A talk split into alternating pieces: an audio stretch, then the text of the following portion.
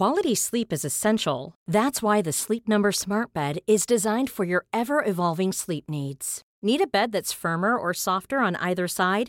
Helps you sleep at a comfortable temperature? Sleep Number Smart Beds let you individualize your comfort so you sleep better together. JD Power ranks Sleep Number number 1 in customer satisfaction with mattresses purchased in-store. And now save 40% on the Sleep Number limited edition Smart Bed for a limited time. For JD Power 2023 award information, visit jdpower.com/awards. Only at Sleep Number stores or sleepnumber.com. Hey, I'm Ryan Reynolds. Recently, I asked Mint Mobile's legal team if big wireless companies are allowed to raise prices due to inflation. They said yes. And then when I asked if raising prices technically violates those onerous two-year contracts, they said, "What the f*** are you talking about? You insane Hollywood ass." So to recap, we're cutting the price of Mint Unlimited from $30 a month to just $15 a month. Give it a try at mintmobile.com slash switch. $45 upfront for three months plus taxes and fees. Promo rate for new customers for limited time. Unlimited more than 40 gigabytes per month. Slows. Full terms at mintmobile.com. A lot can happen in the next three years. Like a chatbot may be your new best friend. But what won't change? Needing health insurance. United Healthcare Tri Term Medical Plans are available for these changing times. Underwritten by Golden Rule Insurance Company, they offer budget friendly, flexible coverage for people who are in between jobs or missed open enrollment. The plans last nearly three years in some states, with access to a nationwide network of doctors and hospitals. So, for whatever tomorrow brings, United Healthcare Tri Term Medical Plans may be for you. Learn more at uh1.com. Palmemordet. Ögonvittnen. Jag var vid mordplatsen igår. Igår var det den 28 februari 2016 och det var 30-årsdagen. Jag gick först till graven. Där stod två personer. Det var massor av ljus och blommor. Det var jättefint. Jag försökte filma där men det var väldigt mörkt inne på Adolf Fredriks kyrkogård. Sen gick jag från graven till själva mordplatsen och var vid mordplatsen vid 23.21. Jag var inte ensam. Det stod en äldre skäggig man och proklamerade saker. Det var flera journalister där. Det var ungefär 100, alltså strax över 100 personer. Jag filmade. Finns också på YouTube-kanalen Palmemordet. Så prenumerera på den. Vi har fått finansiering för den här podcasten. Eh, när ni väljer att stödja podcasten på patreon.com slash Palmemordet så får ni välja om ni blir tackade eller inte. Så tack till Petter L för ditt stöd. Eh, ni andra har valt att inte bli tackade. Eh, ja, jag kommer tacka folk som jag namnger alla personer i den här podden, det vill säga förnamn och första bokstaven i efternamnet om det inte finns risk för förväxling. Det innebär också att vi är finansierade för vårt första spår. På Patreon finns en lista över vilken ordning jag tänker ta spåren i. Och jag tänker ta det mest, det dyraste spåret så att säga först. Och för närvarande är Rota Armé fraktion RAF men jag vill göra ögonvittnesavsnitten först. Och jag ska försöka begränsa mig till de viktigaste ögonvittnena men vi får se hur många avsnitt det blir. Sen drar jag igång med Råta med fraktion om det inte kommer in mera för då går vi högre upp på listan över spår. Jag vill väldigt, väldigt gärna veta hur långa avsnitt ni tycker är bra. Så kommentera det på YouTube eller kommentera det på iTunes. För jag gör fyra andra podcasts och där är avsnitten väsentligt längre. 45 minuter till en och en halv, två timmar. Men då är det två personer så då behöver jag inte prata själv hela den tiden. Då. Eh, så vill ni ha 15 till 20 minuter eller vill ni ha så långa avsnitt jag kan göra? Faktum är att vi har finansiering. Det blir mycket formalia den här gången. Jag hoppas ni står ut med det. Men faktum att vi har finansiering innebär också att jag kan lova att leverera ett avsnitt per vecka tills vi är klara med de finansierade spåren. Och det är alltså tre stycken nu. Eh, podcasten kommer att komma ut på onsdagar, så varje onsdag framöver. Jag vill egentligen ge ut den ännu snabbare, men ja, det har gått 30 år så vi kanske inte har jättebråttom. Det kanske är bättre att göra bättre saker. Jag har testat att göra två vittnesintervjuer med två gäster, så att vi, vi spelar in det som en dialog. Så att ni får höra en annan röst och de kommer att komma som avsnitt här under de närmaste veckorna. Den ena är för vittnet Anders B och den andra är för vittnet Kristina W. Så berätta vad ni tycker om dem då. Ja, jag kan inte säga hur mycket avsnitt det blir men idag ska vi börja prata om ögonvittnena och vi börjar med kiosk inte kioskägaren, men mannen i kiosken. Det visar sig nämligen att han inte äger kiosken. Jubisa, vi nämnde honom i avsnittet Skotten på Sveavägen då. Han blir förhörd av Tommy Norberg redan 04.55 direkt efter mordet då. Konstig tid faktiskt. Och då uppger han det som vi pratade om i avsnittet Skotten på Sveavägen. Det vill säga han ser paret Palme passerar, Han noterar två manspersoner som går framför dem. Här säger han 15 meter. Sen säger han att 10 meter bakom, det kommer att ändras i senare förhör. Går en manperson som är 45 till 50 år. Över 180 cm lång. Kraftigt byggd, lika med fetlagd och grov och var iklädd en, iklädd en gråaktig sliten tygrock som räckte ner i knädhöjd. Han hade dålig smak.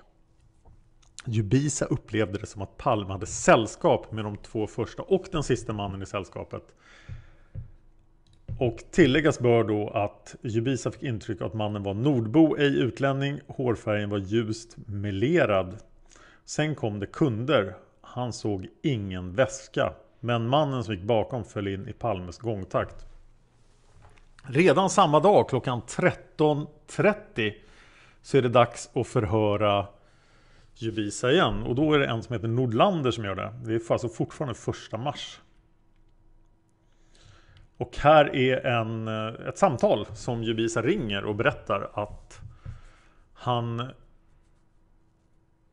Han säger att Palme passerade på två meters avstånd. Han blev förvånad över att varför har de ingen synlig bevakning? Han såg två yngre välvårdade personer som gick 7 meter framför paret Palme. Förut var det 15 meter då. Sen såg han en schabbigt klädd man, kraftig, 180 cm lång, mörkhårig. Han var ljust melerad alldeles nyss. Som gick, man då, som gick 3 meter bakom paret Palme. Sen kom det fram två killar och en tjej i 20-25 års åldern varav minst en kille var berusad. De beställde korv och distraherade eh, distraherade stackars Ubisa så att han inte kunde observera Palme längre då. Sen den 10 mars så är det väldigt oklart vem som håller i förhöret. Uvene? Men 15.25 den 10 mars så förhörs Jubisa igen. Han säger att han på mordkvällen jobbade i sin brors korvkiosk. Så han äger alltså inte korvkiosken. Han började jobba klockan sju, det var väldigt lugnt, det var lite kunder. Men en timme före mordet får Jubisa en kund som inte kan svenska. Och det är ganska jobbigt då för Jubisa kan ingen engelska och kunden talar engelska. Kommer en annan kund för att handla och då försvinner den första kunden utan att handla. Och Jubisa lägger den här mannen på minnet. Kunden är smal, max 170 cm lång, väldigt mörk, troligen från Mellanöstern. Han verkade blyg eller rädd. Han har grön jacka, Jackan, rocken gick ner till knäna, jeansbyxor och han försvinner Sveavägen ner mot Sveaplan. Det här är faktiskt de enda vittnesobservationerna. Det kommer några fler från Jubisa senare som han berättar om som faktiskt skulle kunna handla om kurder. Eh, men Jubisa lägger mannen på minnet då för att han kommer till kiosken Han kan inte svenska, han handlar inte. Och han är inte lik då de som gick framför eller bakom Palme. Den 24 mars kommer kriminalinspektör KG Sjödin och förhör Jubisa. Och då berättar Jubisa att han arbetar korvkiosken. Korvkiosken ligger på Sveavägen 3941. Vid 22-tiden kom Jubisas svägerska Danika till korvkiosken. Hon har alltså jobbat tidigare på dagen vad jag förstår. Jag är inte helt säker på det. Men hon gick för att parkera om sin bil strax efter att hon hade kommit dit. Och efter fem minuter kom hon tillbaka och berättade att hennes bil hade blivit utsatt för inbrott och att bilradion hade stulits. Jubisa stoppar då en polisbil, det här är alltså vid 22-tiden, en timme innan mordet. Polisbilen kommer körande på Sveavägen och Jubis anmäler inbrottet. Svägerskan fick åka med poliserna till den parkerade bilen och är alltså borta ett bra tag med poliserna för att undersöka skadorna på bilen. För under tiden som svägerskan är borta så passerar makarna Palme korvkiosken. Och här är 10 meter till de två männen som då fortfarande inte är identifierade framför Palme och cirka 5 till 10 meter bakom makarna så promenerar man i 30 till 40-årsåldern. Olof Palme gick närmast körbanan Och Lisbeth höll honom med armen, det vill säga de går precis som de gjorde vid mordplatsen då, enligt andra vittnesmål. Olof Palme har en ryssmössa. Efter att paret Palme har passerat så kommer tre ungdomar fram och eh, ställer en öl, allmänt jobbiga. Och eh, Jubisa tappar bort paret Palme. Sen hör han skottet strax efter att de tre ungdomarna lämnat korvkiosken. Men han bryr sig inte om det efter att han tror att det är en avgasknall. Efter det kommer svägerskan tillbaka först. Och eh, svägerskan berättar att hon har skilts från polisen och gått tillbaka. De har Innan svägerskan kommer tillbaka har Jubisa inte sett några polisbilar eller ambulanser. Men sen blir det fart. Och sen kommer en beskrivning av mannen igen som gick bakom makarna Palme. Han är 30-40 år, 180 cm lång, kraftigt byggd, ej tjock, ljushårig. Typiskt svensk. Han är iklädd en grön eller grå jacka som gick nästan till knäna. Han, eh, Jubisa tror att jackan var försedd med luva. Jackan är uppknäppt. Mannen gick klumpigt. Det här är första gången Jubisa nämner att mannen går klumpigt. Vi pratar alltså 24 mars. Uppgiften, eh, uppgiften att mannen var mörkhårig är felaktig. Jubisa har aldrig sagt det. Utan det är en missuppfattning med förhörsledaren. Däremot stämmer det att mannen var ovårdad. Jubisa säger också att han och Danika är väldigt rädda eftersom de har lämnat uppgifter till polisen. Jubisa vill vara helt anonym och här sitter jag och läser hans namn. Så att det misslyckades ganska hårt. Jubisa berättar också att en främmande man har sökt honom i korvkiosken eh, för två veckor sedan på fredags eftermiddagen. Så det måste vara... Vad blir det? Det var fredagen den 28, det var inte skott. Det måste vara den 14 mars. Vid 21-tiden den kvällen så kom en arab fram till kiosken och tilltalade Jubisa på engelska. Eh, Jubisa förstod inte vad mannen sa. Han har inte sett mannen någon annan gång. Mannen var 25 35 år, 170-175 cm lång, smal, mörkt kortklippt krulligt hår, arabiskt utseende, iklädd kort jacka och jeans. Men samma kväll vid midnatt så kommer tre män till korvkiosken och uppträder konstigt. De verkar ha intresse av att studera hur Jubisa ser ut. Han kommer ihåg att två männen var ljusa och den tredje mannen mörk. Den mörke mannen är tatuerad på vänster hand mellan pek och långfinger. Den mörke mannen har en klackring av silver eller nickel. Ringen är försedd med en dödskalle. Och Jubisa blir uppskrämd av besöken. Så vad handlar det här om? Det är ju väldigt, väldigt spännande. Sen lämnar de Jubisa i fred då fram till att Christer Pettersson-cirkusen drar igång. Och då sker det en konfrontation. Den händer den 16 februari 1989, så nu har vi nästan hoppat tre år. Det är Håkan Ström och Lars Hamren som sköter det hela. Och advokat Arne Liljeros är närvarande då för att ja, för Christer Petterssons räkning. Eh, och han får se den här videokonfrontationen. Varför får han se en videokonfrontation? Frågar jag då. Det är jättemärkligt. Och Jubisa velar jättemycket. Jag ska inte gå igenom det i detalj för det, det pågår hur länge som helst. De tar en paus. Han är inte alls säker på någonting. Och han lämnar inget besked från den här vittneskonfrontationen överhuvudtaget. Utan han kan inte peka ut någon. Men sen så kommer eh, Jubisa och kontaktar dem igen nästa dag. Och då berättar han att eh, när han har kommit till sin arbetsplats efter konfrontationsförhöret så kom han på att det var nummer åtta, det vill säga Christer Pettersson. Och att han är säker på det. Och det som har gjort att han har fastnat för Christer Pettersson är att det sättet som han går på. Och här får han då massor av frågor. Hur länge iakttog han den här mannen? Ja, han gick cirka 6 meter. Jubisa såg mannen i profil och bara vänstra ansiktshalvan. Kan man efter tre år känna igen någon sån? Ja, det kan man. Tycker Jubisa. Och han är väldigt övertygad om att det här är Christer Pettersson. Och sen kommer han då även att vittna om det i tingsrätten. Så där har vi vittnet Jubisa. Vissa tycker att han inte är speciellt spännande då, men jag tycker det är en intressant observation. Men till min kännedom har då kommit Det här är då från Palmerummet på Facebook, en grupp där Palme diskuterats. Eh, och jag läser vad den här människan sa, för det här har att göra med mannen som gick bakom Palme då. Så det här är min källa. Jag, jag fick just ett extremt trovärdigt tips av en god vän som jag haft sporadisk kontakt med genom åren. Han avslöjade en annan vän till oss som tyvärr haft en del otur i livet. Sannolikt är den person som gick strax bakom paret Palme framför kyrkan och innan korvkiosken. Innan de vek av över gatan. Den här personen fortsatte sedan rakt fram och ner i tunnelbanan. Så vad gör man av det hela? Han har aldrig velat kontakta polisen av olika anledningar. Vilka anledningar då undrar jag? Jag skulle aldrig posta det om jag inte visste att ingen av de här personerna skulle ha minsta anledning att hitta på. Vilken typ av information från den här personen skulle kunna vara användbar? Jag har inte pratat med honom själv. Det jag vet är att han var på biografen och såg filmen. Korvhandlarens signalement stämmer inte på honom. Men å andra sidan har jag aldrig tyckt att korvhandlarens vittnesmål är så värst substantiellt. Den här personen som var väldigt ung då har under de senaste åren tyvärr tappat fotfäste socialt och fallit in i missbruk. Det är en tragisk historia. Varför jag lägger stor vikt vid det jag just fick höra att han berättade det här för många av sina vänner 1986 och jag har fått det bekräftat. Det är också en person som helt ointresserad omger sig med skrönor.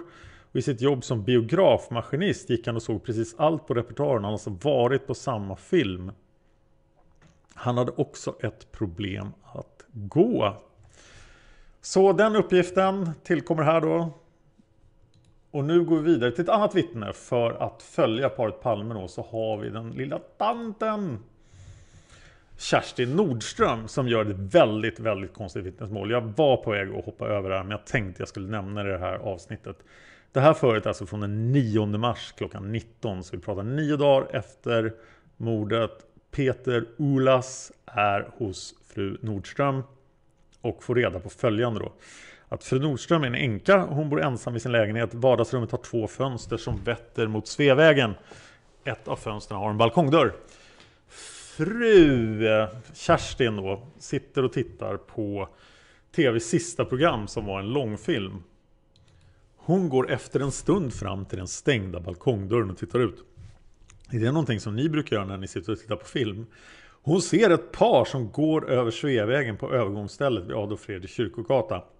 Då de har kommit över till andra sidan, den med jämna nummer, ser hon en ensam man gå över på samma övergångsställe. Hon tappar åt kontakten med honom när han kommit över till den nordligt gående trafikens körbana.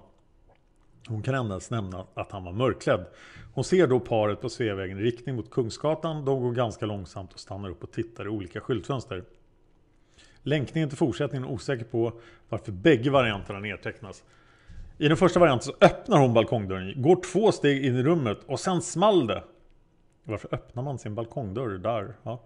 Eller så satte hon sig ner och stickade framför tvn i 15 till 30 minuter och sen gick hon upp och öppnade balkongdörren, tog två steg in i rummet och det small. Så då har alltså Palme, Lisbeth och mördaren stått och pratat med varandra i Dekorima-hörnet i en halvtimme. Och det gäller inte att stämma då. Fortsättning då. Efter att hon öppnade fönstret satte hon sig framför tvn igen. Hon hann dock endast ta två steg in mot rummet då hon hörde en mycket kraftig smäll. Hon blev rädd och stod still i rummet varefter hon hörde ett skott till de tittade på klockan så visade 23 och 22. Mellan skotten gick det cirka 3 sekunder. Hon gick fram till fönstret och såg 3 till 4 personer stå på mordplatsen. Hon hörde folk som skrek och såg någon som troligen höll på med hjärtmassage. Problemet med det här då är att det är så många dagar efter. Hon kan ha läst allt det här i tidningen. Men hon förhörs igen. Hon förhörs den 12 maj. Och då förhörs hon av en G. Järner. Eh, det står ungefär samma saker i det förhöret. Det gör det inte alls. Det var en mycket bättre version. För att hon tittar på TV till strax efter klockan 23 då hon stänger av TVn och går in i sitt sovrum. Var verkligen långfilmen slut då? Hon tänker dra för gardinerna och tittar samtidigt ut mot gatan. Oj, nu har hon en anledning att titta mot gatan. Hon ser ett mörklätt par korsa över Sveavägen på övergångsstället vid Adolf Fredriks kyrkogata. Eh, och sen ser hon en ensam man gå över gatan. Det här är väldigt intressant för det är enda uppgiften som finns vad jag vet att mördaren följer efter paret Palme när de går över Sveavägen. Och alltså inte fortsätter på Sveavägen och korsar senare. Eh, paret gick i långsam takt och tittar i skyltfönstret och hon ser inte mannen någon mera. Hon lämnar sen sovrummet hon ser inga fler personer på trottoaren också kan vara värt att säga. Hon går in i vardagsrummet och öppnar balkongdörren för att få in frisk luft. Hon har en anledning att öppna balkongdörren. Då hon återvänder in i rummet hörde hon ett skott. Och strax efter ytterligare ett. Tidsavståndet mellan skotten var tre sekunder. Eh, fru Nordström hörde att det var pistolskott då de var hårda och koncentrerade. Efter andra skottet tittade hon på sin klocka i rummet och den visade 23.22. Fru Nordström gick omedelbart ut balkongen och tittade mot Tunnelgatan och såg där tre, fyra personer i hörnet av Sveavägen.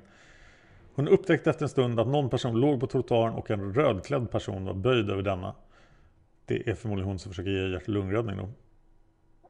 Hon såg inte fler personer i Sveavägen och såg inte heller någon person avlägsna sig från platsen på Tunnelgatan. It's that time of the year. Your vacation is coming up. You can already hear the beach waves, feel the warm breeze, relax and think about work. You really, really want it all to work out while you're away. Monday.com gives you and the team that peace of mind. When all work is on one platform and everyone's in sync, things just flow wherever you are. Tap the banner to go to Monday.com. Many of us have those stubborn pounds that seem impossible to lose, no matter how good we eat or how hard we work out. My solution is PlushCare.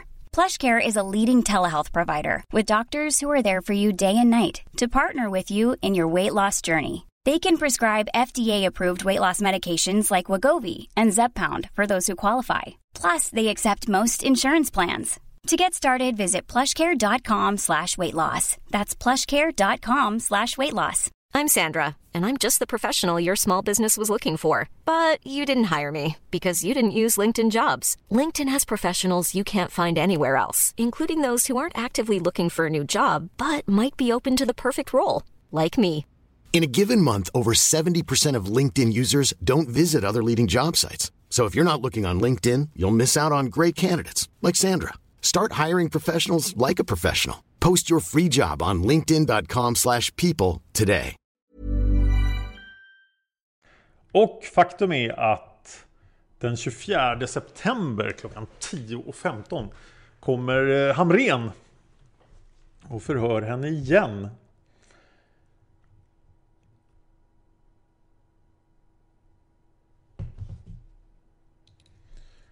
Och där säger hon att paret gick över på det övergångsställe som är beläget söder om Adolf Fredrik kyrkogata. Det finns alltså två övergångsställen vid Adolf Fredrik kyrkogata, en norr och en söder. Och den ensamme mannen går över på samma övergångsställe. Det var allt från Kerstin N. Då. Jag tror jag råkade säga Nordström två gånger. Sen kommer vi då till ett till av de viktiga vittnena och det är Nikola F.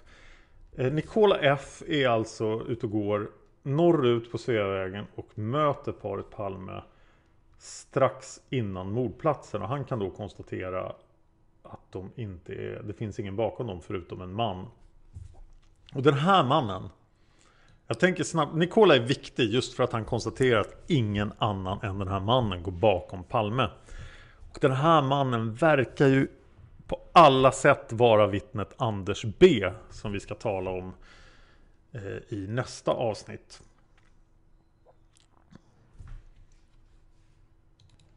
Mannen som Fausti möter Mannen som han möter är då en, har på sig en blå jacka och eh, det liknar en Tenson-jacka. Eh, Nikola ser inget märke, jackan räcker till lårets mitt. Och eh, han tänker att mannen är en säkerhetsvakt men att mannen är då för gammal för att vara säkerhetsvakt. Och det är ju lite konstigt då eftersom Anders B är under 30. Sen har han gått en bit till så hör han smällen. Och eh, tänker direkt att det är Palme som är skjuten. Och då vänder han sig om. Och så till början ser han inte till den här mannen i blå jacka men efter 10 sekunder lägger Nicola märke till att mannen då är halvvägs in i en port eller någon entré en bit bakom gruppen av människor.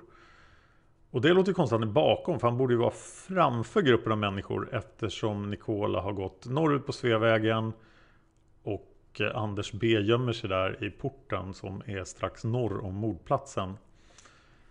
Eh, Nikola ser bara jackan och det är på jackans färg Nikola känner igen mannen. Och sen fortsätter Nikola gå Till skillnad från eh, alla andra som rusar fram och försöker hjälpa till då, så knallar han bara iväg. Han är nykter vid tillfället.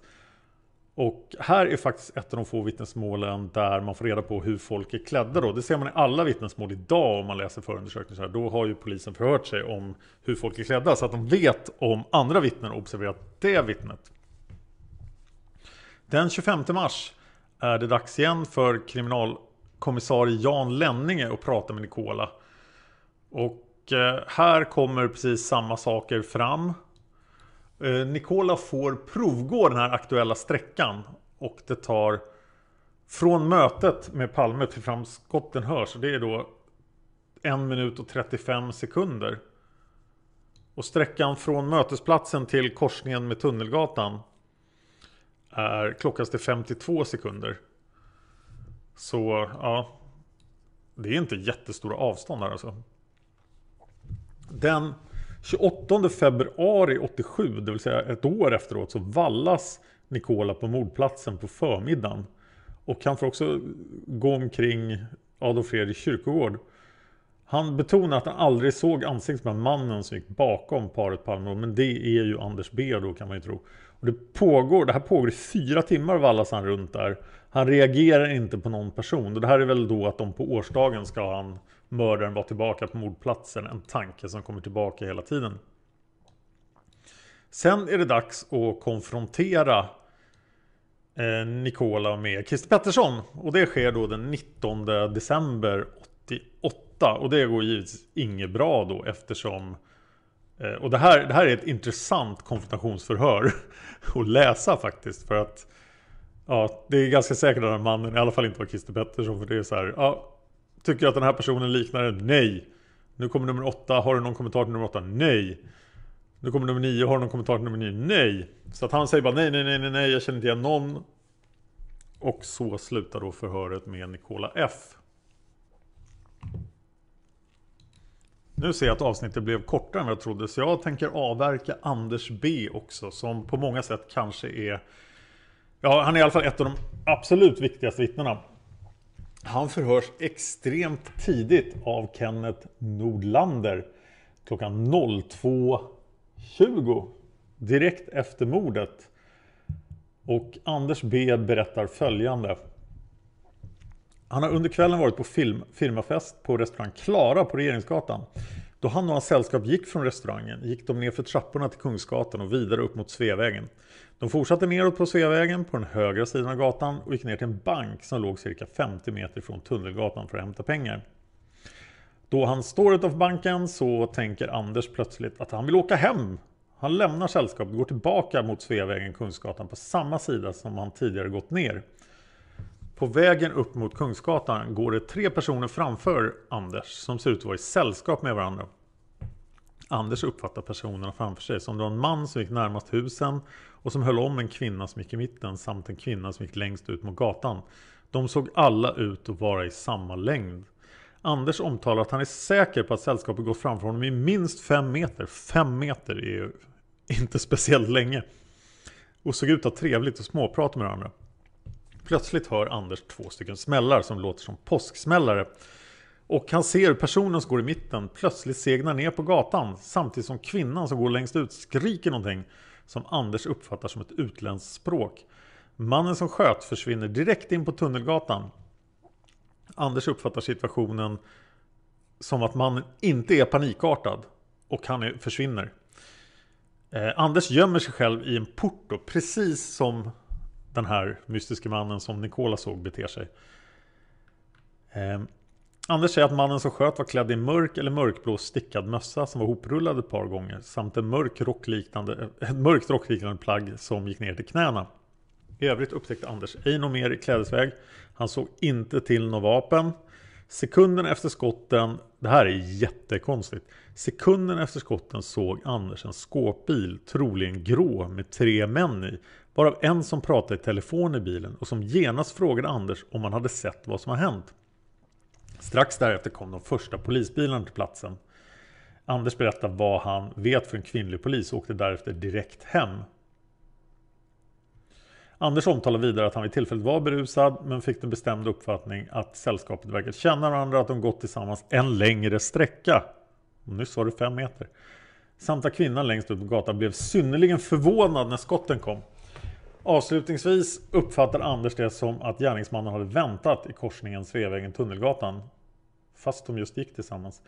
Då skotten kom precis... Han hade väntat in korsningen Sveavägen-Tunnelgatan då skotten kom precis mitt i korsningen.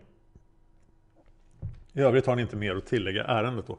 Den 3 mars klockan 19.30 så dyker A Bäckström och A Torstensson upp för att förhöra Anders igen. Anders berättar i stort sett vad han har berättat tidigare. Han var tillsammans med 15 till 17 stycken arbetskamrater vid 17-tiden på restaurang Sankta Clara. Eh, där de uppehöll sig till en för honom okänd tidpunkt. Under kvällen förtärde han tre snapsar, två, tre öl och möjligen någon whisky till kaffet. Han är alltså förmodligen salongsbrusad. Han vet också att han var påverkad av spriten. Nästa tidpunkt som han egentligen kommer ihåg är när han stod utanför banken som kommer igen senare i berättelsen och slängde en blick på klockan och konstaterade att hon var 23 eller lite därefter och han tyckte att det var sent. Han gick med sina arbetskamrater, sex stycken, i grupper om tre och tre. Och anledningen till att de gick i grupp berodde på att det var tre stycken som var mer påverkade av sprit än de andra och blev liksom efter. När de kom ner för trapporna vid Regeringsgatan ner till Kungsgatan inväntade de tre eftersläntrarna till dess att de kom ikapp. Sen så fortsatte promenaden Kungsgatan upp mot Sveavägen. I hörnet Sveavägen-Kungsgatan stannade de till igen för att vänta på efterslantarna. Men ganska snart började de tre som Björkman hade sällskap med gå Sveavägen på den östra trottoaren ner mot Sveaplan, alltså norrut. Anledningen till att de gick den här gatan var att de hade för avsikt att ställa färden till det så kallade kåren för vidare festligheter. De passerade fyra personer vad står det? De passerade dessa fyra personer Appelbergsgatan och sen Tunnelgatan för att sedan stanna in till en banklokal. Anders kan inte säga vad för slags bank det var men han vet att en av hans arbetskamrater tog upp ett kort och stack in i någon slags kodlås. Då öppnade sig en dörr och då kunde arbetskamraterna gå in i någon slags foyer där man skulle få ut pengar. Anders blev kvar i dörröppningen ensam och rätt som det var så började dörren att stängas. Men eftersom Anders ville titta till sina eftersläntrade kamrater så blev han ensam kvar utanför. Efter en kort stund kommer arbetskamraterna ut från banklokalen och börjar omgående gå på samma trottoar och i samma riktning norrut mot Sveaplan på Sveavägen. I det här läget har Björkman Anders tröttnat lite grann på det hela och tittar på klockan och konstaterar då att det är sent. Han bestämmer sig för att titta efter sina eftersläntrande arbetskamrater. Dels för att han är trött och han vill åka hem. Han kan inte riktigt säga när han uppfattar det sällskap som nämns. Men han vet att han bör gå på samma trottoar men i riktning nu mot Kungsgatan. Hans bedömning av hans egen påverkansgrad av alkohol är att han har klara minnesbilder av vissa förhållanden. Och en av dessa minnesbilder är att han framför sig ser ett sällskap om tre personer. Den person som går längst till vänster, personerna går liksom i stort sett i bredd, har liksom lagt armen om en person som går i mitten. Och som just då att han har armen runt axlarna på den personen drar Anders slutsatsen att det är en kvinna till höger. Till höger om den som har armen runt axlarna på sig och som senare faller omkull är då, en kvinna. Och sen går en annan kvinna närmast gatan. Anders blir ställd inför ett antal frågor om det förhållande avseende detta sällskap. Och han säger att enligt hans uppfattning och minnesbild var de tre personer som gick framför honom ett sällskap som hade sällskap med varandra. Ja, som sällskap brukar ha. Anders har ingen uppfattning om att de gick och pratade med varandra. Men å andra sidan säger han att de gick så nära varandra som dessa tre personer gick under en väg som gick fram. Så fann han det ganska naturligt att de skulle prata med varandra. När de kommer fram så att de befinner sig mitt i gatan med korsningen Tunnelgatan. Så hör Anders två smällar. Liksom Kina-puffar. Inte särskilt höga. Och det låter ju verkligen inte som en 357 Magnum. Han tittar sig omkring och kan inte riktigt lokalisera vad det är som har utlöst smällarna. Förrän han ser den man som gick i mitten, sedermera identifierad som Palme, segna ner och blir liggande i framstupa läge mitt i gatan.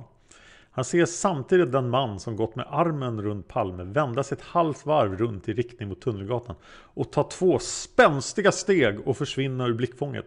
Han ser vidare den kvinna som gått bredvid Palme böja sig ner bredvid den liggande mannen. Rent instinktivt blir Anders rädd med hänsyn till det som har inträffat tidigare och som har stått i tidningarna. Man kan undra vad som har stått i tidningarna. Eh, varför han snabbt förpassar sig in i en port i en färgaffär. Att det är en färgaffär har varit ett tillfälle att efter detta förhållande konstatera. Han ser senare en gul taxibil som stannar Eh, liksom i kanten av trottoaren. Han ser vidare två kvinnor, flickor som springer fram till den liggande mannen och han ser en stund senare hur polis kommer till platsen. I den vidare upplösningen så får Anders kontakt med polis. Männen lämnar sin namn varefter kan lämna platsen och väldigt många människor på platsen lägger märke till Anders underliga beteende då. Att han liksom inte hjälper till, han står och gömmer sig i porten där och sådär. På olika frågor säger Anders han naturligtvis inte höll sällskapet under uppsikt eftersom han tittade efter sina arbetskamrater. Men hans fasta uppfattning är att de tre personer som nämnde dessa uppgifter var ett sällskap som vandrade gatan fram tillsammans. Det är inte en sak han säger en gång, han kommer tillbaka till det hela tiden. Han såg ingen vapen, men han såg liksom en rökpuff eller två rökpuffar som var precis där händelsen inträffade, alltså med den liggande mannen. Han såg på intet sätt ansiktet på mannen som vek in på Tunnelgatan. Men han kommer ihåg mycket väl att den här mannen en stickad, grovt stickad mössa på sitt huvud.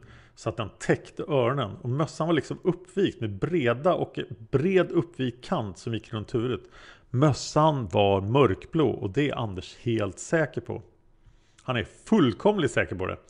Och han berättar också att han kom hem till bostaden för sin hustru.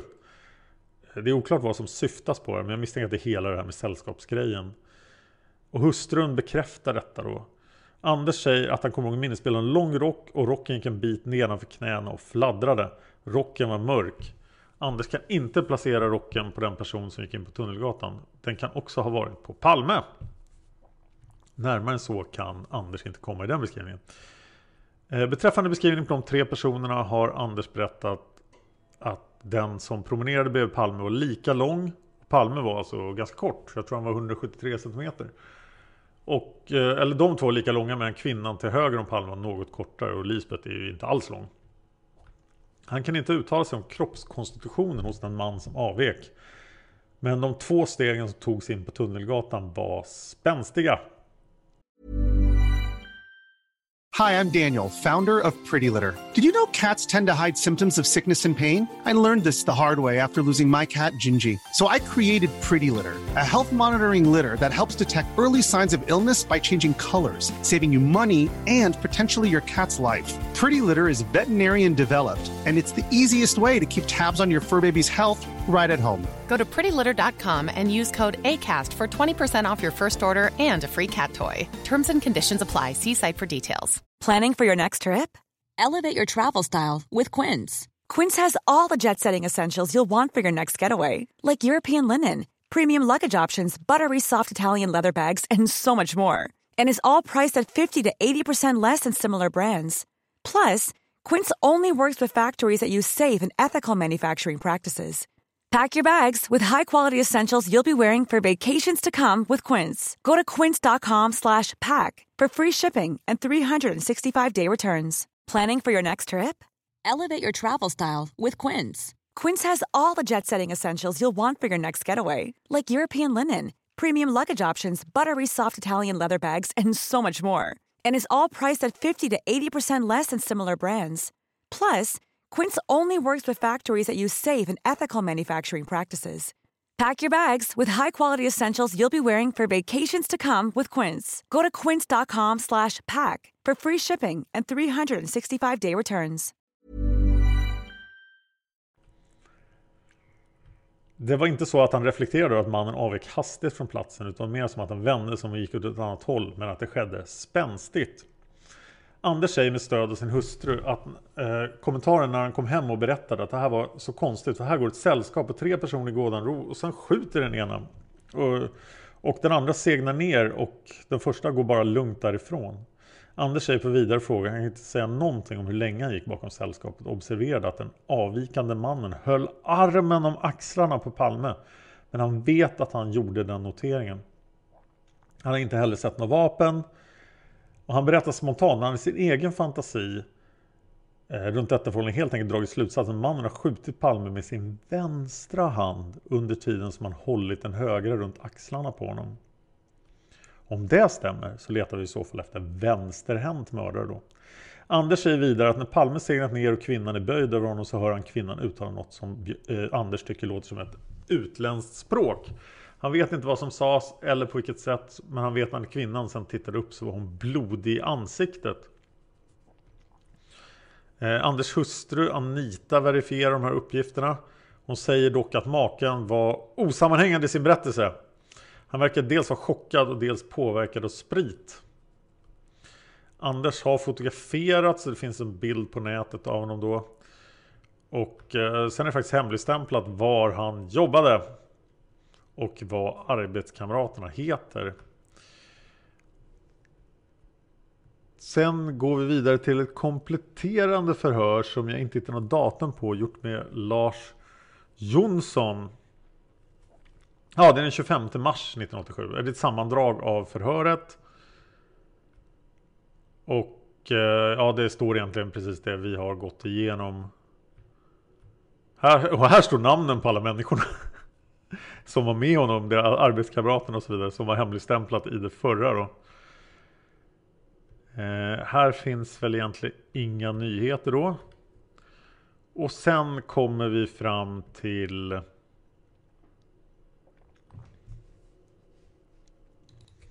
videokonfrontationen. Den sker den 18 december 1988 och han får också se det här konstiga bandet då. Precis samma band som Lisbeth Pil eh, Palme såg. Och han känner inte igen någon. Christer Pettersson nummer 8. Nu kommer nummer 8. Har du någon kommentar? Nej. Ingen är lik någonting. Men han har inte heller sett speciellt mycket av mördaren. Så det är väl inte jättekonstigt. Sen kommer vi fram till tingsrättsförhöret. Och tingsrättsförhöret med Anders B kommer att vara nästa avsnitt.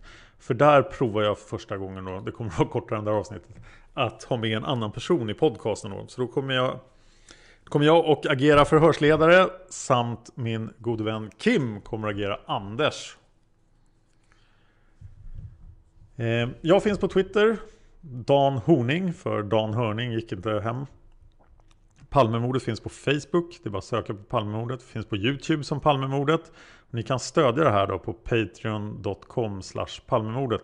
Jag tänkte berätta lite hur det fungerar. När ni sponsrar på Patreon så anger ni ett belopp som ni vill donera för varje avsnitt som jag gör då. Ni kan begränsa det i hur många avsnitt ni vill sponsra per månad. Men min intention är då att göra fyra eller fem avsnitt per månad var, varje onsdag. Så att tänk på det att det är flera avsnitt per månad då.